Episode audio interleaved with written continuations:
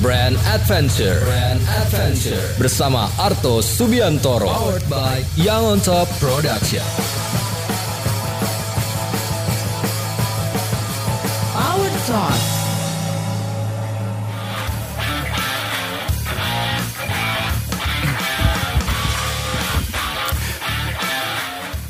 Ya, selamat malam Power People. Jumpa lagi bersama dengan saya Artu Subiantoro di program Power Talk Brand Adventure, sebuah program yang membahas tentang kehebatan brand-brand lokal di seluruh Indonesia. Hari ini kita kehadiran seorang tamu yang luar biasa, sangat seru banget. Tadi ngobrolnya bisa sampai ke mana-mana, tapi dirahasiakan dulu. Hari ini kita akan ngobrol soal brand dari sudut pandang seorang musisi yang hijrah menuju dunia brand. Dan siapa lagi kalau bukan my bro Bambang Reguna Bukit alias Bams. Apa kabar Bams? Baik. Jangan ke mana-mana, jangan bernafas. Kita kembali setelah yang satu ini.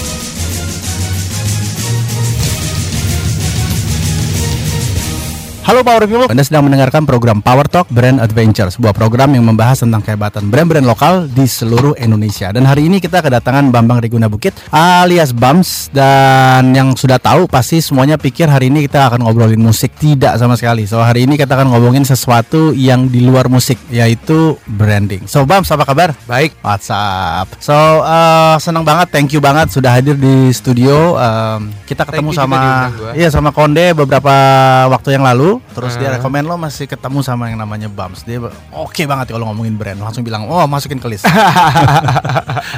so, pertanyaannya kemudian adalah proses transformasi ini memang sebenarnya sudah ada di dalam darah gitu ya, on on your blood sebenarnya. To converting dari musisi menjadi bisnis atau sebenarnya ini dua hal yang berjalan bersamaan, Hmm. the same passion dan kemudian uh, digarap berbarengan. Kalau gua basically berawal dari musik sih udah pastinya. Jadi Ya. eh, I believe sampai sekarang yang gue lakuin sama partners Ya. itu semua hal yang kita suka. Jadi berawal dari hal yang kita suka gitu. Kayak musik itu kan pertama kali basically bisnis gua pertama ya musik. Ya. Dulu kita waktu sama Konde ya kita ma- main musik itu kita langsung bikin label sendiri. Hmm. Which is namanya masih musik sampai sekarang masih ada masih musik.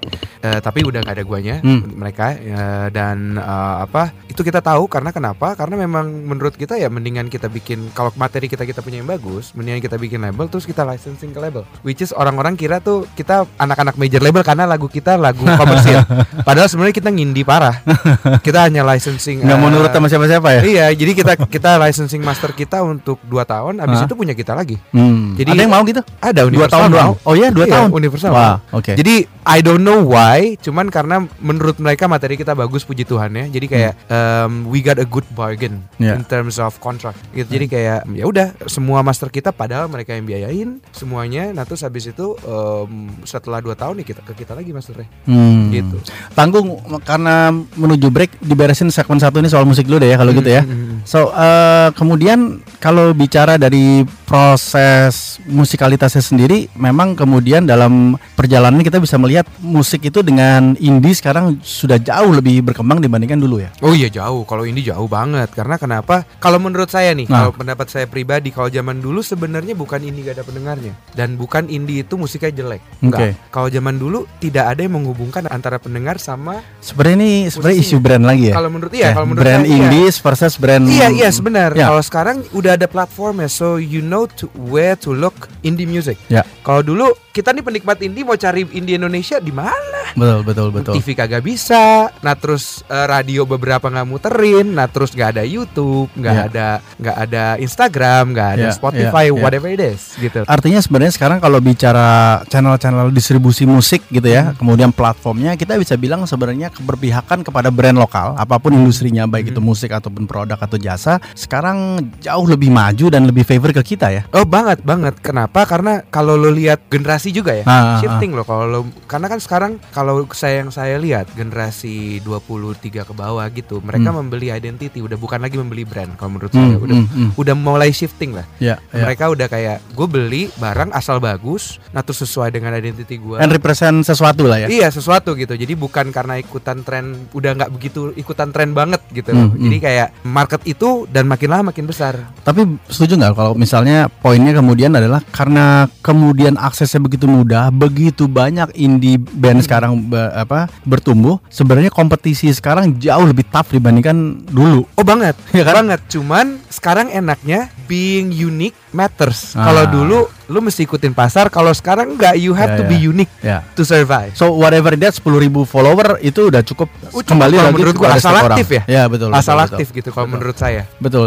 Uh, so ini sebenarnya juga shifting paradigma tentang beberapa strategi di media sosial misalnya Hmm. ketika kemudian ada orang yang di endorse misalnya udah satu juta follower gitu Hmm. banyak brand-brand yang sekarang justru mengendorse uh, apa namanya influencer justru yang di bawah 50.000 ribu Itu juga. karena kemudian engagementnya hidup banget Iya. gitu ya karena kalau udah satu juta nggak mungkin ngebalasin juga kan satu-satu kan. Sebenarnya bukan engagement doang, karena kalau yang kalau saya sebagai Hmm. secara brand ya, Hmm. informasinya scatter, target marketnya. Ya, jadi kayak ya, lo tahu ya. nih, misalnya lo biasanya kan kalau kita ngambil endorser yang followersnya kecil-kecil, mereka udah punya profile, udah punya segmentasi sendiri. Followersnya mereka tuh jelas. Hmm. Mereka kerjaannya apa, pendapatannya berapa, tinggalnya di mana, sukanya apa, profilingnya ngikutin dia nih udah ketahuan nih. Hmm. Nggak kayak artis yang followersnya jutaan, cuman Hmm. profiling yang ngikutin mereka nih scatter sekali. ya ya Jadi udah nggak nggak langsung ke target market dan dibawain nama brand. Jadi eh, mungkin untuk tahap pengenalan awareness saja yang penting Eh. ada orang tahu nih ada brand kita nih gitu mungkin masih oke ya. Em, dan dan menurut saya em, jadi marketing yang nggak perlu ya nggak perlu dilakuin Hmm, basically kan karena kan brand lo ya gue nggak perlu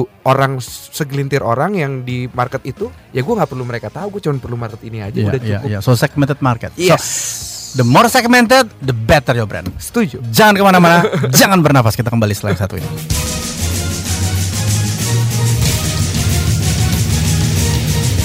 Nah, Anda sedang mendengarkan program Power Talk Brand Adventure, sebuah program yang membahas tentang kehebatan brand-brand lokal di seluruh Indonesia. Tamu kita kali ini adalah Bams Titik. Yeah. iya, ada Bams aja Bams saja, nggak boleh embel-embel. Dan eh, kita sekarang masuk ke area brand. Kemarin Bams kita kedatangan Kakak Sleng. ah Kakak lagi bikin uh, slang kopi, oke, dan slang cafe. So mulainya dari mana kak? Dari basis masanya, dari basis masanya, kemudian menggunakan kopi gampang nggak? Nggak gampang juga ternyata. Bukan berarti kita punya banyak follower, banyak masa, terus otomatis uh, bisnis bisa sustain. Jadi Setuju. kopi yang pertama kalau nggak salah nggak terlalu jalan, tapi yang kedua ini sekarang dengan lebih rapi karena bener-bener kopinya dicari sendiri, Iya, iya, di iya. di apa namanya di nurture sendiri gitu ya benar-benar ditemukan ciri khasnya antara si slang dengan si kopi. Nah dalam konteks eh, Bam sendiri masuk ke dunia bisnis kemudian mulai mengembangkan brand mengalami keuntungan nggak dalam tanda petik seperti kakak gitu dengan menggunakan kepopulerannya untuk mengembangkan brand. Em, udah pasti kalau namanya yang eh, eh, apa namanya followers nah, Hmm. terus ketenaran atau apa pun itu is good for creating buzz but in the end who make you sustain oh what makes you sustain is quality Iya, balik Iya. lagi ya. Ketika lo bikin sesuatu, nah terus ngantri-ngantri, cuman kalau kagak enak ya orang nggak balik. Whatever it is, whatever it is gitu. Jadi kayak ya lo mesti pastiin abis lo bisa create buzznya, orang dapat hype-nya, ya lo mesti jaga kualitasnya juga bagus gitu. You, you are you are selling a good thing gitu. Mereka pikir when you have the buzz selesai udah kan? Hmm. Padahal itu actually baru the beginning of the process Iya, iya, ya. maybe you can make a spike, Ya. but you cannot make it sustain. Ya kayak gitu sih. Kalau kalau misalnya kualitasnya turun naik gitu. Ya, sih. ya. Ah. Sekarang eh, di business development yang sekarang lagi dipegang ada berapa brand di bawah di bawah Bams? Kita kalau yang udah jadi, kalau di fit di grup fit company itu Ya. kita ada lima brand di bawahnya. Kalau Fit for Living kita ada sekitar tiga brand lah di bawahnya. Di bawah. Di bawahnya. Cerita sedikit tentang Fit Company. Fit company itu awalnya kita create saya sama partner saya Jabudiman. Hmm. Oh, Eh, oke. eh, eh, nah terus abis itu eh, ada juga adik saya eh, Pria Hmm. dan ada Andin. Oh. Nah, berawal dari situ. 20 Fit berawal dari situ. Baru setelah itu kita juga ada abis itu kita set up company distributor. Kalau yang distributor saya murni cuma saya sama partner saja. Ya, ya. Iya, itu eh, kita bikin eh, Credo Aum namanya. Dan abis itu kita berjalan lah. Berawal dari gym micro gym kita dengan kita punya perusahaan distributor ini yang menjual barang-barang Micro gym kita. tuh artinya gym dengan luas Gym nggak dengan gede. jual kecil, iya. Ya, dengan dengan dengan luas kecil, luasan kecil. So berapa tuh luas berarti? Gym kita kalau eh, 20 feet itu 80 sampai 150 meter lah, nggak gede. Oh, oke. Eh, eh, oke. Jadi 20 feet itu is a one to one training or one to two training. Jadi paling banyak lu berdua trainernya satu atau satu-satu. Jadi eh, memang very apa specific for the client trainingnya. Eh, dan itu dipasang di eh, di apartemen-apartemen gitu. Enggak, ya kita ada gym ya. Kita ada 20 feet itu ada gymnya satu-satu. Oh, orang datang by Datang, appointment. by appointment. Nah Oh, terus yang oke. datang. Jadi kayak kalau lu datang ke 20 fit ya basically cuma ketemu orang sebelah lo. Gila keren banget. Jadi eh, memang orang yang segmentasinya itu memang orang yang memang mau olahraga karena di tempat kita nggak bisa ngeceng, nggak ada teman ngecengnya karena nggak ada orang lagi. Nggak ada cowok lain. nggak ada nggak ada nggak ada nggak ada jadi ya lu ke situ nge-gym nah terus orang yang memang pengen spend time di gym cuma sebentar Gokil. Terus idenya dari mana? idenya sebenarnya kalau ini di Eropa di Eropa Oh. ini basically this is a common sport common sport nah terus habis itu kita kita bikin versi lokal versi Di Amerika nggak ada dong. karena olahraga Eropa memang Oke, Eh, ya. Karena di Eropa itu gymnya gede-gede banget kan. Em, ini micro gym ini banyak. Sebenarnya kalau kalau ke Eropa, gym kecil kayak kita nih micro gym dengan berbasis IMS teknologi ini is a common sport. Hmm. Kalau di Eropa banyak di mana-mana gymnya. Tapi Oke. kalau di Amerika memang di Amerika is not a popular sport. Ya, ya, ya, Nah, ya. Jadi ya ya it very European lah. Ya, oke. Eh. Kita masuk ke situ tapi kebetulan ada pertanyaan eh, bagus dari Cemal Cemilia. Uh, gila namanya. Cemal cemil ya gila. Cemil cemil. Kenapa? Kenapa Bams ambil business furniture Hmm. eh, bukan resto kayak art- artis yang lain? Wow, that's a valid question. Iya iya iya. Good. iya. Kenapa? Kalau ambil business furniture balik lagi em, semua yang saya jalanin itu yang saya suka dan saya ngerti. Ah, Saya tuh bukan orang yang ada tipe orang yang ada peluang eh, Diambil. Saya ambil gitu karena menurut saya kalau lo nggak ngerti is too far away for you to compete with Ya, the people ya, that understand ya, ya. and have a passion on it. Oke. Nah, jadi kayak em, mendingan ya em, kita cari yang kita ngerti aja gitu. Bisnis banyak kok, peluang banyak kok. Tinggal lo pinter-pinter ngeramunya aja gitu. Karena I don't believe, apalagi di Indonesia ini ya, di negara yang develop kayak kita ini peluang nggak ada. There's so many peluang di Indonesia. Everywhere. Banyak banget karena ya balik lagi kita negara yang masih berkembang. So 20 Fit itu dimulai dengan ide dasar yang kemudian berkembang ke lini-lini bisnis yang lain Iya, di dalam Fit Group, Iya di dalam Fit Company. Fit Company Group Iya, ya. iya, iya. So bahas lebih dalam nanti tentang grupnya. Iya. Terus bagaimana kemudian pola kontrol atau pola Hmm, manajemen di dalam iya. ini sebagaimana eh, visi misi yang mau dibangun. So jangan Iya. ke mana-mana, jangan bernafas kita kembali setelah yang satu ini.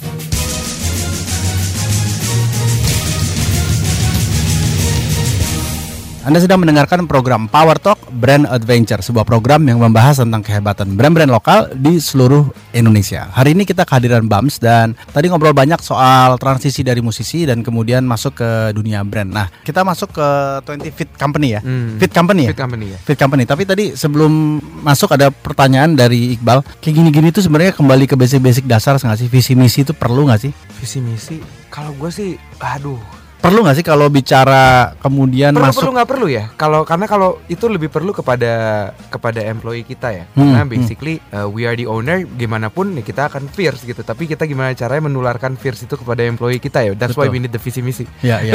dan dan mungkin itu jadi semacam guideline ya buat, Iya, buat iya, kita juga buat, untuk buat iya, ya. Iya, jadi jadi guideline ya yang mau lo tulerin ke employee lo ya visi misinya ini ya habis itu lo enforce kan Hmm, visi misi hmm, itu. hmm, Kalau hmm. ke lo ya basically is in you. Ya, ya, Uh, ya, is, ya. uh, apa nonsense gak, nggak ada di dalam lo. Kalau nggak lo nggak bakal bikin bisnis ya. Ya, ya, ya, make sense. Kalau kem- kemudian masuk ke fit company sendiri, waktu mulai kan kemudian sekarang ada unit-unit ya. Hmm. Itu memang sudah didesain dari awal bahwa fit company ini isinya akan ada fit me, ada uh, 20 fit dan segala macam atau memang kemudian sambil berjalan ada peluang di lini ini masuk kemudian di create. Kalau kita, kita tahu kita mau bikin ketika kita mau bikin 20 feet, kita pasti akan bikin produk kita, kita akan bi- pasti bikin restoran kita. Tapi restoran kita berbentuk apa dan Oke. produk kita berbentuk apa, itu yang kita masih cari. Itu yang bisa kita kita masih cari along the way karena em, kalau kita nih rada bertolak belakang. Kalau Hmm. kita sama teman-teman itu we don't believe making things yang udah ada di market. Kita lebih mending menjadi sesuatu yang baru dan kita yang edukasi market.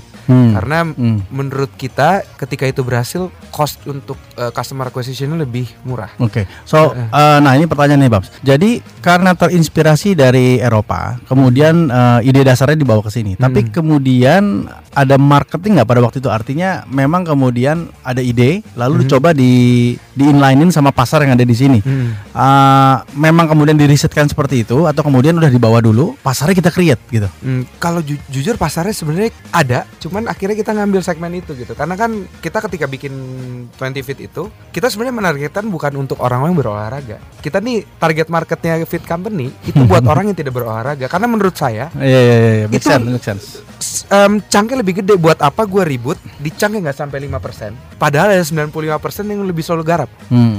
Nah, kita ngambil yang 95% ini. Nah, kita sebenarnya creating a sport model, a sports model and a business model buat orang-orang yang nggak berolahraga ini. Karena Hmm. menurut kita mereka lah yang perlu di, perlu di shifting. Kalau orang yang udah di udah berolahraga ini nggak perlu sebenarnya. Iya iya iya iya, benar benar benar. there, gitu. So eh, pendengar di seluruh Indonesia dan juga Power People bisa check out ke 20 Fit ya. Eh, iya, Instagramnya 20 Fit. Eh, Instagramnya 20 fit, fit lokal, Fit lokal. me. Oke. Heeh. So lanjut lagi ke 20 Fit, Fit lokal, Fit Me dan lain-lain. Itu kemudian seolah-olah menjadi hulu ke hilir type of business model ya, saling melengkapi. Iya, saling melengkapi ya. Bisa ada yang rugi nggak salah satu sama lain? Udah pasti, udah pasti, udah pasti. Oh jadi Udah pasti. Gak mungkin bisnis itu semuanya akan untung terus. tuh dengerin tuh, dengerin. Indian sebenarnya perjuangan kita adalah sampai lu bikin diri lo mustahil untuk fail Hmm. segede itu gitu. Iya, itu kan iya, sebenarnya iya. menuju ke situ ya pasti akan ada yang rugi. Iya. Nggak mungkin kita saya akan saya berbohong kalau ngomong semua Grey 20 Fit itu untung semua. Enggak, Hmm, pasti hmm. ada yang kita subsidi. Betul. Cuman kalau dibilang rugi semua enggak juga gitu. Ada yang untung banget gitu. So ini under perusahaan yang sama atau masing-masing jadi PT-PT terpisah? PT terpisah. Semuanya PT terpisah. Hmm, karena yang semua ada saya sama partner saya Jeff sama adik saya pria. Aha. Cuman setiap entity mempunyai partner berbeda-beda. Wow, Heeh. Keren, keren. Hmm. Dan nggak mudah ya artinya bangun partnership yang yang begitu banyak dengan orang-orang lain itu kalau nggak punya nama baik, nggak punya trust, ya, setuju, nggak akan setuju, jalan setuju, setuju, setuju. Kalau itu setuju banget, karena kebetulan orang-orang yang kita ajak partneran pun ya memang ada beberapa ya udah temen dari lama ya, ya. Ya, ya, udah ya, temen ya. dari lama dan udah ada trust dan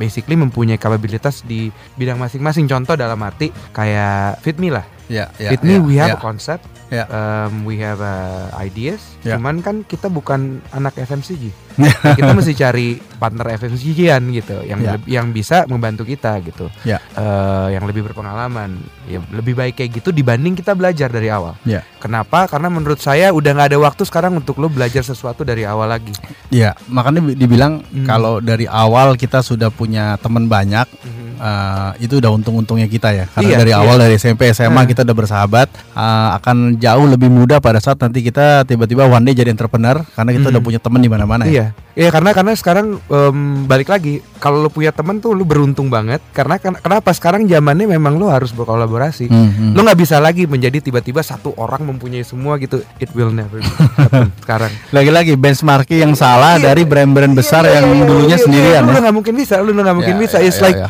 almost impossible gitu Ya, ya.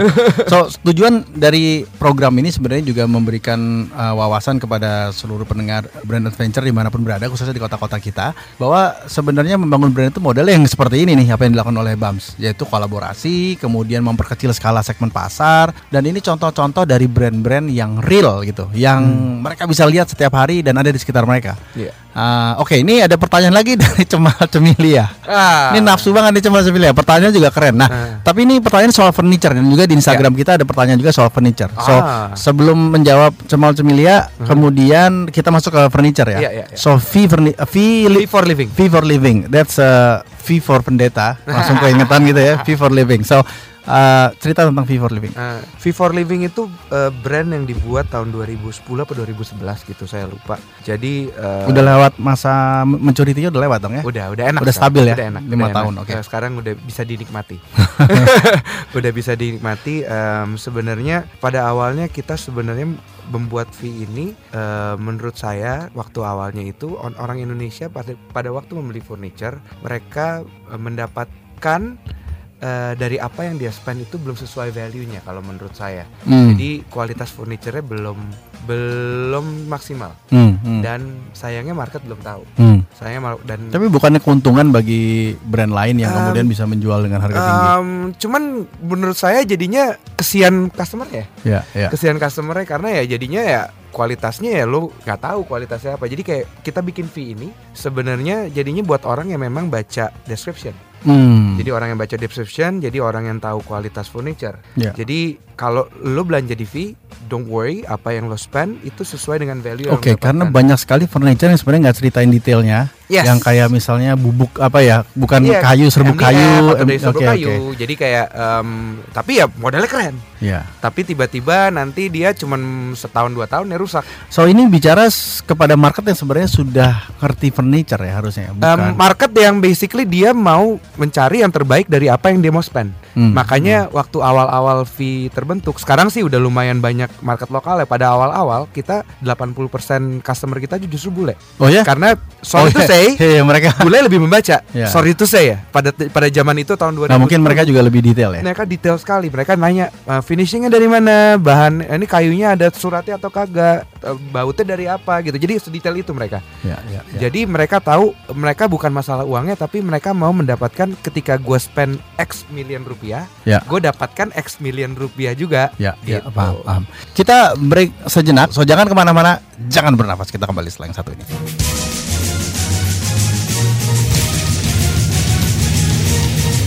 Halo Power People, kita masih bersama dengan Bams di program Power Talk Brand Adventure, sebuah program yang membahas tentang kehebatan brand-brand lokal di seluruh Indonesia. Kita masuk dengan satu pertanyaan ini lumayan banyak, jadi kita jawab satu ya. Yang pertama ada pertanyaan dari Agus Pras nih Bams. Ah, nitip tanya dong, bagaimana Mas Bam mendeskripsikan diferensiasi antara fee for living eh, sehingga brandnya menjadi kuat saat kompetitor furniture lain banyak menawarkan keunikannya masing-masing. So, it's a valid point. Why I have to buy your brand basically. Kenapa sih harus beli fee for living? Tadi udah bicara soal eh, detail tadi. dan honesty tadi ya. Iya. So, ini ada point yang kemudian membuat Itu sama kalau yang dari klien gue suka, kalau lo punya masalah sama kayu lo tiba-tiba apa ada apa kita langsung datengin orang kita. hmm, Jadi basically balik lagi ya, lo mau ngomongin bisnis apa pun yang bikin orang stay sama lo, service sama quality. hmm. Ya itu yang bisa lo jaga. Lo mau nggak usah nggak usah keren-kerenan deh, service sama quality lo lo jaga. Ya banyak orang yang kemudian mikir eh, bangun bisnis terus growing the business dengan Eh. mencari customer baru ya. Iya. Padahal sebenarnya kalau Iya. fokus ke 10 customer yang pertama aja. yes, yes, karena customer acquisition itu nggak murah. Iya, ya.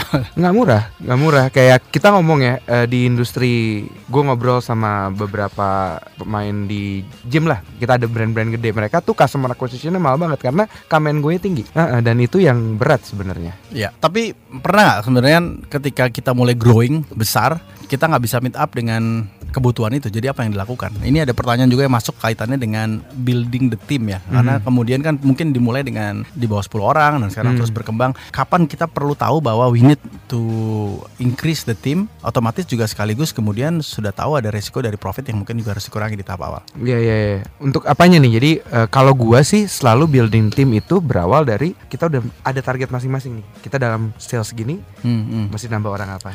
Grow-nya juga sama, organik juga. Gue grow apanya? nih? Waktu timnya di develop atau langsung mulai udah langsung lengkap. Enggak organik. Organik ya. organik. Karena Selalu. kita kita selalu nggak pernah mau ngelupain core kita karena kita startup kita ber- bermula dari nggak punya duit ya kita Hmm. akan stay ber- bermula kayak gitu. Kita pada start contoh kayak Fit Me, Fit Nah. Lokal, kita padahal udah punya duit untuk bangun tim. Cuman nggak, kita berawal dari Fit Me ya, yang kerjain ya gua-gua aja gitu. Kita Hmm, ber, hmm. kita berempat. Ya udah kita berempat aja ya. Yang marketing kita berempat, yang bikin brandnya kita berempat. Sama juga Gokil. kita bikin Fit Lokal. Fit Lokal tuh lucu malah. Kita berawal dari gerobakan. Oke. Gerobakan padahal di dalamnya lagi dibangun nih, lagi dibangun Fit Lokal restoran ya Heeh. pas gerobakan itu ya gue juga ikut jualan. Ya, ya, Jadi ya. kayak em, lu mesti ngerasain di bawahnya kayak apa sih kalau menurut gua? ya so fit company itu ada 20 feet, eh Heeh. fit 20 eh 20 feet, 20 feet, ada fit lokal, fit me, eh, fit stop. fit stop. Nah, fit stop tuh apa? Fit stop itu gym gede kita. Itu Oh, kayak basically oke. em, monumen kita lah. Ya, ya. Jadi eh, kita bikin Flagship store gitu. flagshipnya kita dan kita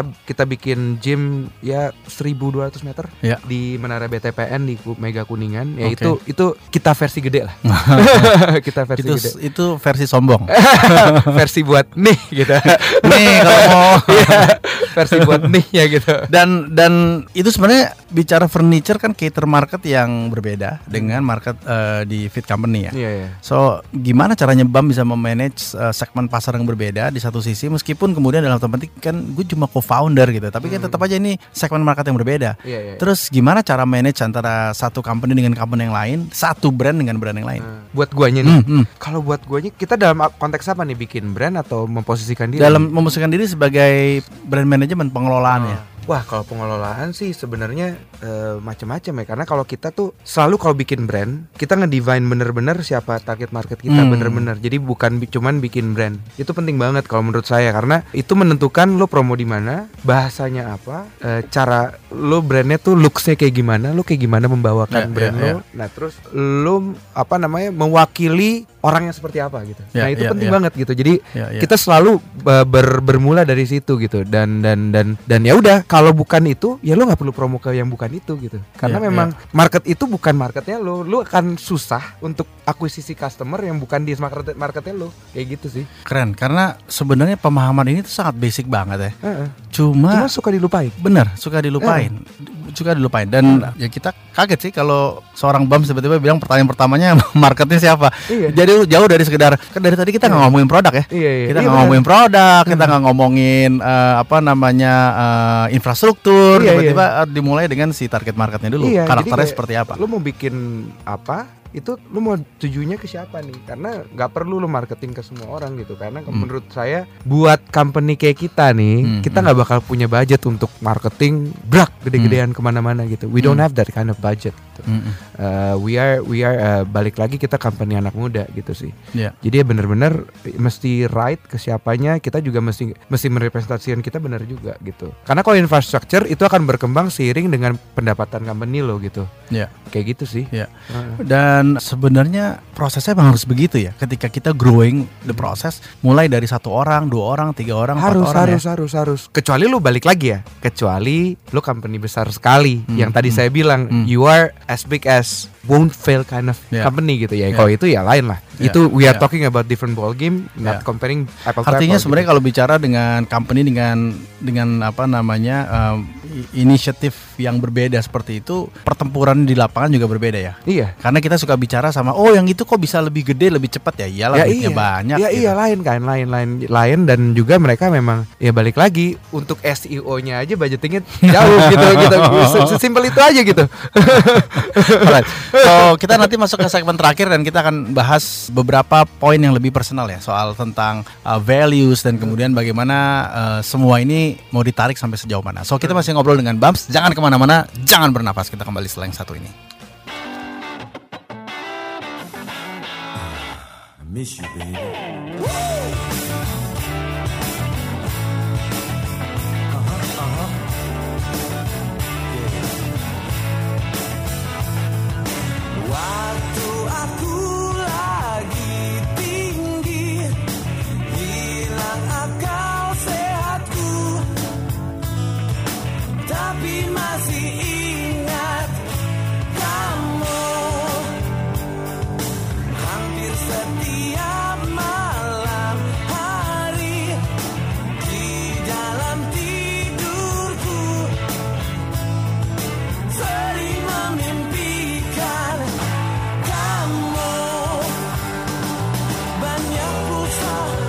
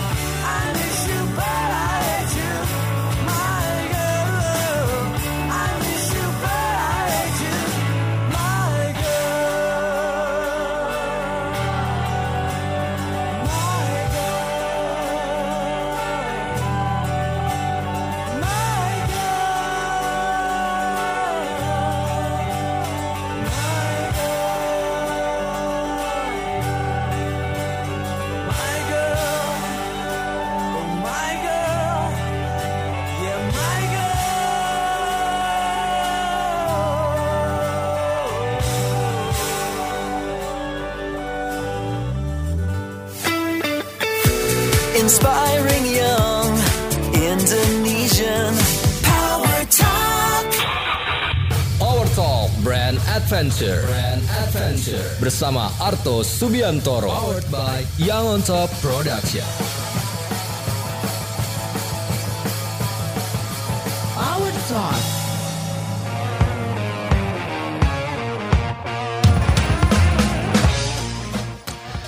Halo Power People, kita ada di talk set terakhir di program Power Talk Brand Adventure. Masih bersama dengan Bams dan kita membahas bukan cuma soal musik tapi sebenarnya jauh lebih dalam kita membahas soal brand. So, sebelum kita mulai lebih dalam nih ada pertanyaan dari M Syarif, Bam. Ah, ini lebih umum ya, ah, mungkin lebih ke insight atau masukan. Kalau bisnis food yang menjadi ikon daerah dengan segmen market nasional untuk lebih membuat trust market dengan membuat brand am- ambassador dan influencer yang DNA-nya lebih ke personal brand yang sesuai dengan uh, market gimana pandangan Mas Bam? Jadi mungkin pertanyaannya gini, ini ada brand lokal, kemudian dia mau targetnya seluruh nasional, lalu dia mau pakai influencer yang basically DNA-nya ngomongin soal personal brandnya sebenarnya, bukan connecting ke produknya. Uh, so oke nggak sebenarnya? Kalau menurut saya ya, ketika dia di daerah mana ya gede di situ dulu ya, nggak perlu Iya bener ya, dulu. bener bener bener. Iya karena mulai dari kecil dulu jangan mimpi gede-gede Iya. dulu. Ini- kalau balik iya. lagi bukannya saya orang-orang kalau ngobrol sama saya, mereka suka kayak kok lo jadi me- membuat kita jadi hilang semangat. Enggak, karena memang that's the way it is gitu. Iya iya bener. bener. Mulai mulai dari mulai dari lingkungan sekitar kamu dulu aja misalnya kita kayak gue di Jakarta nih. Ya di Jakarta itu influencer untuk fitness tuh siapa sih? Hmm, Balik hmm. lagi di Surabaya tuh beda-beda, di Medan Hmm, tuh hmm. beda-beda lagi. Artinya strategi influencer yang sekarang menggunakan selebriti dan tokoh-tokoh nasional untuk mengangkat satu brand lokal, lama-lama orang juga tahu ini fake ya. Kalau kalau menurut gue itu itu is too scattered sekarang. Eh, kalau itu target marketnya balik lagi, eh, saya lebih suka pakai yang micro influencer karena enggak karena balik lagi eh, saya tahu nih profil orangnya di orang yang saya mau pakai ini followersnya siapa Hmm. dan yang ngikutin dia tuh udah jelas gitu. Hmm, balik hmm. lagi ya brand gua nih cocok nih sama nih orang gitu lebih ke situ gitu. That's Hmm, why hmm. saya lebih suka pakai yang micro influencer karena itu gitu. Jadi targetnya jelas Ya, langsung ya, gitu. ya, Memang ya, orang yang tidak kayak dia profilingnya nggak bakal follow dia gitu ya, sih. ya, ya, ya. Heeh. Tadi ada pertanyaan dari Cemal Cemili itu masih ada nggak ya? Lupa nanya lagi soal furniture. Ma, Bang Bam belajar tentang furniture nggak? Atau punya basis tentang furniture sebelumnya nggak? Penting nggak tuh pertanyaan itu? Menurut gue sekarang udah nggak penting ya. Hmm. Hmm. menurut gue lu punya bas- basic tentang apa atau apa, tapi balik lagi lo nya mau belajar atau enggak. Nah terus abis itu lo nya suka atau enggak? Iya, Karena iya. kalau saya, saya suka, saya suka art. Saya basically tuh suka suka sekali sama yang namanya art sama sport. Hmm. Jadi menurut saya furniture itu art gitu. That's why saya jadi niat untuk mempelajari furniture. Ya. Ya, akhirnya bisa catch up dan akhirnya eh, belajar sama orang dan akhirnya jadilah V ini gitu. Ya dan ketika kemudian nggak punya kemampuan di bidang itu berkolaborasi lah, cari partner lah. Yes, So benar, benar, benar. Karena balik lagi, kalau menurut saya sekarang udah nggak zamannya lagi, lu bisa segalanya, cuman nggak ada yang spesialis. Mending lu belajar satu, lu kuat banget. Yang lu nggak ngerti ya, lu cari yang ngerti ya, lu dan lu cari orang yang ngerti itu yang butuh butuh kemampuan lu. Iya, iya, iya, Basically iya, kayak gitu gitu. Menurut gua udah nggak zamannya lagi kayak gue mesti bisa semua gitu. ya, ya. Karena bisa semua itu juga nggak bakal kepake kalau lu nggak ada yang spesialis. Kalau menurut gua Einstein bilang imagination is more powerful than knowledge. itu gue setuju. Jadi yang penting lu bisa bayangin gitu ya dan itu kemudian oke. So, pertanyaan terakhir ya. Kelihatannya kan seolah-olah asik-asik aja ya karena mulai dari passion gitu terus kemudian bangun ini bangun itu terus bertahap as a, as a businessman as a entrepreneur. Tapi ada nggak dalam satu sisi perjalanan baik di Fee for Living ataupun juga uh, Fit Company ada satu titik di mana kemudian sesuatu yang kemudian membuat wah ini mempertanyakan kembali apakah uh, apa yang kita lakukan ini benar atau enggak. Ada nggak sih proses-proses bukan kejatuhan ya tapi uh, apa ya posisi tidur posisi tidur lah yang membuat kemudian kita melihat bahwa ini penting gitu. Yang paling parah sebenarnya sebelum V for Living, sebelum Hmm. for Living dan sebelum sebenarnya itu dari proses pembelajaran saya. Jadi kayak sebelum V for Living, sebelum eh, Fit Company, sebenarnya saya juga ngerjain bisnis lain. Oke. Cuman based on opportunity. Makanya gue gue bisa berani Ah, bilang gue oke, salah. oke. Based on opportunity, but I don't understand and I don't have a passion on it. So in the end, gue kalah sama orang yang punya passion dan understand about it. Basically it gitu. Dan that's how I learn. Intinya sekarang ya gue cuma ngerjain yang gue ngerti aja. Kalau gue nggak ngerti walaupun dalam hitungan dalam eh, Meskipun lagi zamannya Taiti gitu ya. iya jadi kayak balik lagi gue ngerti Thai tea dan gue nggak minum Thai tea Jo. Gue ngapain ngerjain Thai tea gitu kayak anak basket. iya iya kayak basically ya kayak gitu gitu. Lagi lagi misalnya kemarin sempet zaman martabak gitu. Gue nggak not even suka martabak gitu. Ya jangan jangan ngerjain bisnis martabak gitu. Walaupun sebenarnya lagi nge-hype gitu Hmm. ada memang bisnismen yang bisa kayak gitu kebetulan gue nggak bisa kayak gitu Ya, kayak ya. gitu sih Ya, jadi memang punya kemampuan untuk menahan diri juga itu menjadi penting. Iya harus harus karena memang gue I learn I really learn ada beberapa bisnis yang saya jalan juga flop dan Hmm. itu uh, setelah saya uh, telaah gitu ya flopnya karena itu gitu gue Hmm, cuman hmm. lihat peluang gue kagak ngerti gue terus ketika gue jalan gue juga kagak suka jadi terpaksa ngejalan ini flop Ya, ya, kayak ya. gitu sih Wow, that's uh, jujur nih ya dan gokil keren banget. Thank you Bob. So, wah sayang waktunya udah selesai ya. Ah, 57 menit 52 detik. So, terima kasih sekali lagi Bam sudah hadir di studio sharing sama kita, ngobrol banyak soal true value of entrepreneur. Kita harus hangout lagi o- o- Pasti, o- pasti. automatically for for sure this week kita uh, main basket basket bareng, habis ya. itu baru ngobrol See, see how, how good uh, how, how good you are ya. Uh, so Milwaukee Bucks versus iya. the Golden State Warriors. Oke. Kebalik tapi gue malah shooter Oke, Bams, thank you banget sudah hadir di Siap. studio. Sekali lagi, khususnya untuk semua pendengar kita di mana pun anda berada, eh, Mas Pras eh, tadi salah satu pemenang. Jangan lupa di Agus Pras ya. Jangan lupa kontak ke Brand Adventure juga beberapa teman yang lain eh, untuk kontak ke kita termasuk Cemal Cemili atau siapa pun itu. Dan sekali lagi terima kasih untuk 102,6 Alurna FM Medan, 106,8 Ramona FM Palembang, 96,7 Green Radio FM Pekanbaru, 89,2 Power FM Jakarta, 92,9 Mix FM Bandung, 87,9 KC10 FM Indramayu, 107,2 KR Radio Yogyakarta, 102,8 JFM Semarang, 107,3 Karavan FM Solo, 96 Mercury FM Surabaya, 92,2 Heartland FM Denpasar, SPFM Makassar FM Makassar dan 105,9 Gema FM Banjarmasin. Ini ada Medan juga loh ternyata. Oh, ada Oh, pendengar iya. ya Alnora FM Medan. So, akhirnya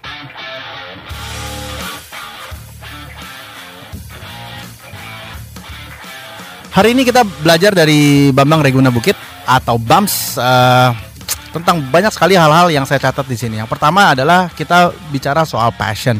Membangun passion itu butuh waktu dan memahami apa yang kita suka dan kita mulai harus kembangkan. Jangan cuma sekedar melihat opportunity, tapi kemudian harus bertanya kita suka atau tidak dalam proses itu. Dan itu bukan eh, tahap yang pertama karena setelah kita suka, kita juga harus bisa membuktikan kualitasnya bertahun-tahun dengan tim dan partner kita. Jangan menjalankan semuanya sendiri, harus mulai masuk ke dalam era kolaborasi, lihat apa yang paling kita eh, kuat dan dan ini penting banget harus dicatat, definisikan target market kita dengan jelas banget. Jangan sampai kita hanya sekedar melihat produk atau jasanya tapi juga fokus kepada target marketnya. Ini yang membuat kita sebenarnya jauh lebih berkembang. Jangan lupa hal sederhana seperti customer service quality control ini yang akan membuat kita bisa jauh lebih berkembang. Jangan fokus juga ke customer acquisition saja tapi fokus juga kepada increasing basket size atau bagaimana caranya dengan market yang sama kita bisa terus bangun kepercayaan dan dari market-market itulah kemudian kita punya market-market baru yang akan berkembang sesuai dengan trust yang kita bangun. So sampai di episode berikut kita akan bertemu lagi dengan tokoh-tokoh dan influencer-influencer seputar brand lokal dan terima kasih Anda telah mendengarkan program Power Talk Brand Adventure. Semua pertanyaan seputar brand Anda bisa tanya di @brandadventure Indonesia atau ke Arto underscore Subiantoro. Program ini terlaksana berkat kerjasama dengan Young Onto Production dan sekali lagi terima kasih dukung selalu brand lokal dan terimalah salam nasional kita sekali merdeka tetap merdeka. Terima kasih kamu udah dengerin Power Talk Brand Adventure bersama Arto Subiantoro. Powered by Young on Top Production. Sampai ketemu di perjalanan selanjutnya.